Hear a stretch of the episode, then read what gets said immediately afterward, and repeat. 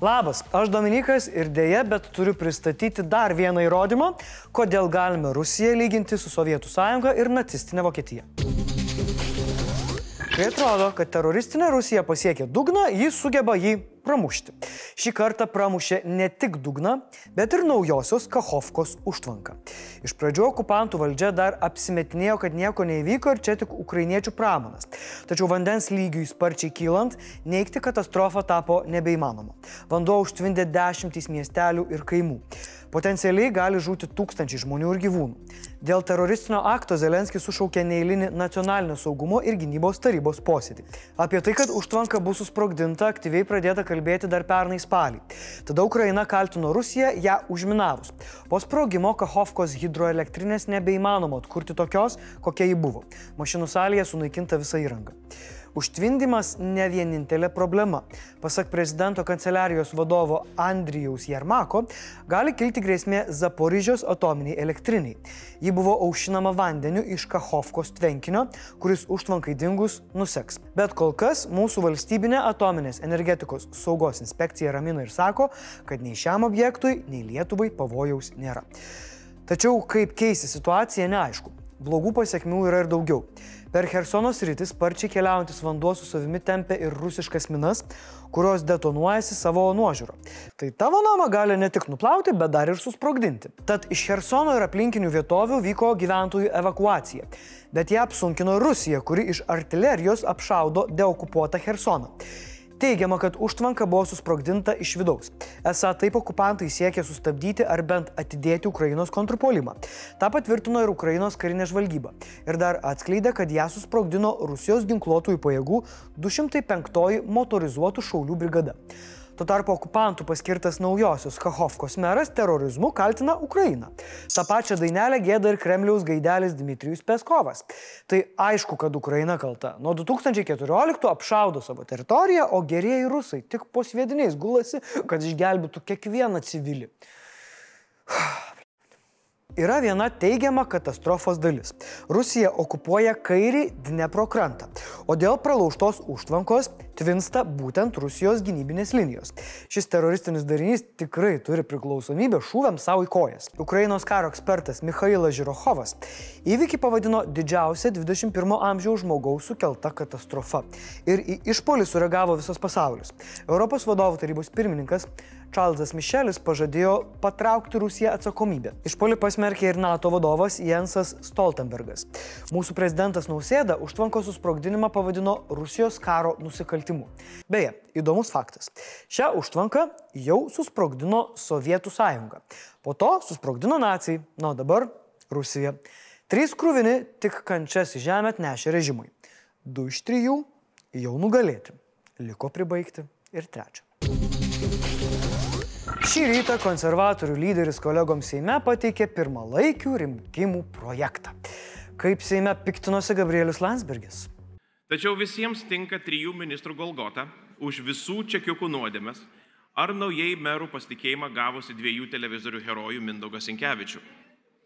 Toks standartas nėra teisingas. Taigi, pasak jo, pasirinkimas paprastas. Arba visuotinė amnestija, arba perkrovimas pasitikint rinkėjais. Deja, deja, prieš laikinių rinkimų nebus, nes projektas Seime patyrė fiasko, neperkopė net pirmojo laiptelio. Kitaip tariant, Seimas pasakė, kad... Mm, kad Seimas yra skaidrus ir kolektyvinės atsakomybės neprisiminės. Paaiškėjo ir maištininkai konservatorių gretose į nugarą Peilis smėgė saviškiai, balsavę prieš. Algius Trelčiūnas, Valdas Rakutis, Jurgis Razma, Kazys Tarkevičius, Audronius Ažubalius, Antanas Matulas, Rasa Petrauskenė, Emanuelis Zingeris, Vilius Semeška, Žygimantas Paviljonis, Antanas Čiapononis, Andrius Kupčinskas, Mindaugas Skritulskas ir Angelija Kovanytė. Visi šie saviškiai. Įdomu, kas laukia jų. Projekto iniciatorius iš pirmo žvilgsnio netrodo nusivylęs. Noriu pabrėžti, kad daug palaikė. Turbūt nuo to pradėkime. Ką šis sprendimas reiškia Seimui? Ir tai aš pavadinčiau, na, visuotinė politinės sistemos amnestija. Aišku, niekas ir nesitikėjo surprizų, nes jau rytas nerodė jokių gerų ženklų šiai iniciatyvai. Seimo pirmininkė sakė, kad nuomonės nepakeitė. Mes balsuosime prieš. nes nemanome, kad pirmalaikiams dabar e, laikas, nemanome, kad sprendžiant vieną problemą reikia sukelti didesnę. Kiti koalicijos partneriai irgi liko prie savo. Visas šitas pasiūlymas, jisai yra iki galo nenuoširdus ir nesprendžiantis tų problemų, dėl kurių čia šitas, šita košė ir yra užvirta. Nenuoširdų mitalui atrodo tai, kad konservatoriai kalbėjo apie rinkimus rugsėjai ir spalį, dabar viskas spartina, nes turbūt supranta, kad nėra šansų surinkti reikiamą balsų skaičių. Darbo partijos pirmininkas sakė, kad atsakomybė už neskaidrės išlaidas tenka konservatoriams. Nepritarėm tokia iniciatyvai, nes mes tikrai nebūsim tie, kurie padės konservatoriam atsikratyti atsakomybės ir permesti ją ne tik Seimui, bet ir visai visuomeniai. Konservatorių gelbėjimo akcijų mes nedalyvaujam. Skvernelis iš vis sako, kad čia yra desperacija, matant, kad kituose rinkimuose konservatoriai neturi šansų laimėti.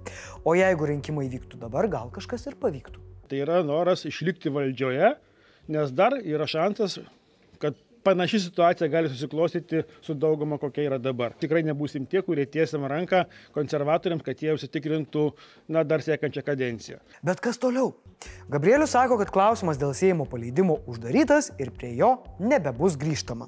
O dabar Prezidentas rinksis, netidėliodamas, spręsti dėl tolimesnio vyriausybės atstatydimo arba tolimesnio vyriausybės darbo. Tai tas ir bus padaryta. Bet prieš tai bus susitikimas su koalicijos partneriais įsivertinti bendradarbiavimo būklę. Pradžioje labai drąsiai kalbėjo apie vyriausybės pasitraukimą, o dabar jau nuosaikiau kalba. Pastebėjot? Premjerė irgi sako, kad nu, gal pasikarščiavo, o kad viskas spręs prezidiumas. Kaip partijos pirmininkas Landsbergis neketina pasitikrinti partijos viduje. Sakė, tai būtų bandymas. Prisimti atsakomybę už tai, kad prisėmiau atsakomybę. Pasak jo, tam pagrindo nėra. Gal jūs geriau žinot, kas bus toliau? Išsitraukit savo rūtulius, taro kortas, paburkit ir parašykit būrimus, kas laukia mūsų švento žemelės vidaus politikoje komentaruose. Laukiam. Šiandien Seime debatai, ar uždrausti kailinių žvėrelių verslą. Lietuva gali tapti 20-tą tą padariusią šalimi Europoje. Siūloma kailinių gyvūnų auginimą dėl jų kailio uždrausti nuo 2027 metų. Fermų savininkams, kurie nutrauks veiklą, būtų mokamos kompensacijos. Pirmais metais 3 eurai už gyvūną, antrais 2 eurai, o paskutiniais 1 euras. Seimas po svarstymo pritarė siūlymui, numatant tam pereinamąjį laikotarpį.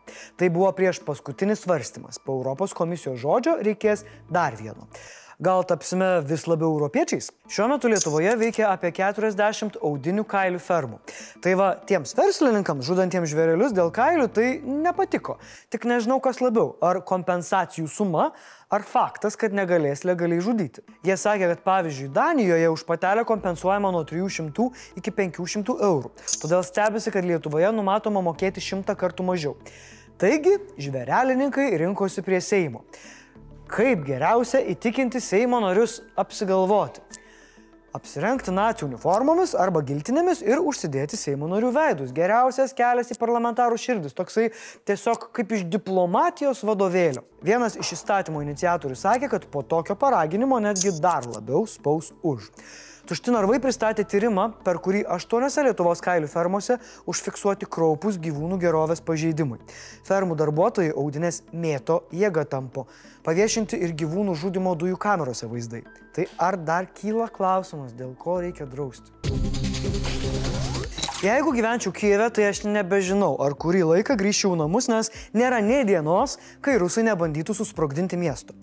Į Ukrainą buvo paleistos 35 raketos, iš jų daugiau nei 20 skrido į sostinę. Bet visos raketos numuštos. Kol teroristai švaisto raketas, Ukrainos sąjungininkai nešvaisto laiko ir ruošiasi dalintis rimtesniais ginklais. Australija su JAV diskutuoja apie galimybę perduoti Ukrainai naikintuvus FA-18 Hornet. Australijos oro pajėgos ieškojo, kur padėti 41 naikintuvą. Tiesa, ne visi yra tinkami okupantų naikinimui, bet kažką veikiančio sukrapštys. Vakar kažką sukrapštyti bandė ir okupantai, meluodami, kad atrėmė didelį Ukrainos puolimą, sunaikindami visus ir viską. Tiksliau, sunaikindami 1500 kariškių, 28 tankus ir daugiau kaip 100 šarvuočių. Bet net Ženė Prigožinas Šias istorijas vadina laukinėmis fantazijomis. Tuo tarpu Zelenskis pasidžiaugia Ukrainos karių pažanga Bakhmuto fronte. Taip, ten vis dar labai karšta. Apskritai, Junktinės karalystės gynybos ministerijos teigimu, per pastarąsias 48 valandas daugelį fronto ruožų labai suintensyvėjo mūšiai. Okupantams artėja itin sunkus laikai, tai tuo ir pasidžiaugkime. Blitz naujienos. Vertindami surinktus įrodymus už pasikesinimą tenkinti lytinę aistrą su nepilnamečiu, nuteisto buvusio parlamentaro Remigijus Ačio byloje teismai klaidų nepadarė. Lietuvos aukščiausiojo teismo trijų teisėjų kolegija paskelbė, kad palieka galioti Ačiui paskelbtą verdiktą. Jo advokato skundas atmestas. Šis teismo sprendimas yra galutinis ir neskundžiamas. Nuo birželio maitinimą savarankiškai ėmusios organizuoti santaros klinikos susidūrė su sutrikimais. Pacientai ir jų artimieji skundžiasi vėluojančių maistų. Anot įstaigos klinikos įrengė naują modernę virtuvę, pasirūpino įrangą bei indai, sutvarkė visus technologinius procesus, tačiau vėluojantis maitinimas yra susijęs būtent su darbuotojų stoka. Siekiant dar labiau apriboti elektroninių cigarečių su aromatais priekybą, nuo lapkričio siūloma uždrausti tokias cigaretes ir jų pildiklės su skiščiu, kuriame būtų cukraus ir saldiklių. Seimas po pateikimo priemė svarstyti tokias įstatymo pataisas. Jokių rūkomųčių pačiupsų. No, no more. Nu, tai ar ištraukė taro kortas, ar jūsų intuicija ką kužda, mums labai įdomu žinoti, ar atsakys vis dėlto konservatoriai už bazarą. Parašykit komentaruose. O šiaip, mėlyjeji, saugokit savo namus, šalyje plinta gervių plėšikių gauja.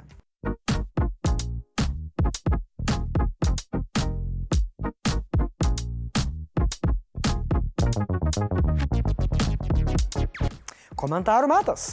Ponas M pasipiktino, kad mūsų laidos vedėjai, o jeigu kalbame konkrečiai, tai Timūras, reikalauja rašyti komentarus. Ir dar įvertino, kad tokia praktika yra le, fui ir negražu. Nu, ant kiek Polui M buvo fui, kad jis ėmė ir vis tiek su didelė kančia parašė jis tą komentarą. Nu taip nenorėjau, čia gal kaip aš, taip nenorėjau penktadienį išeiti į miestą ir tą čerką pakelt, nu bet, nu, nu fui, bet vis tiek išėjau. Dovydas Mastuliauskas pastebėjo, kad praėjusioje laidoje 8 minutėje 31 sekundėje palikta žinutė. Pažiūrėkit, dešinys apatinis kampas. Iš karto tik noriu pasakyti, kad žinutė skirta ne abiturientams, o rusų okupantams. Šiandien tiek žinių. Iki. thank you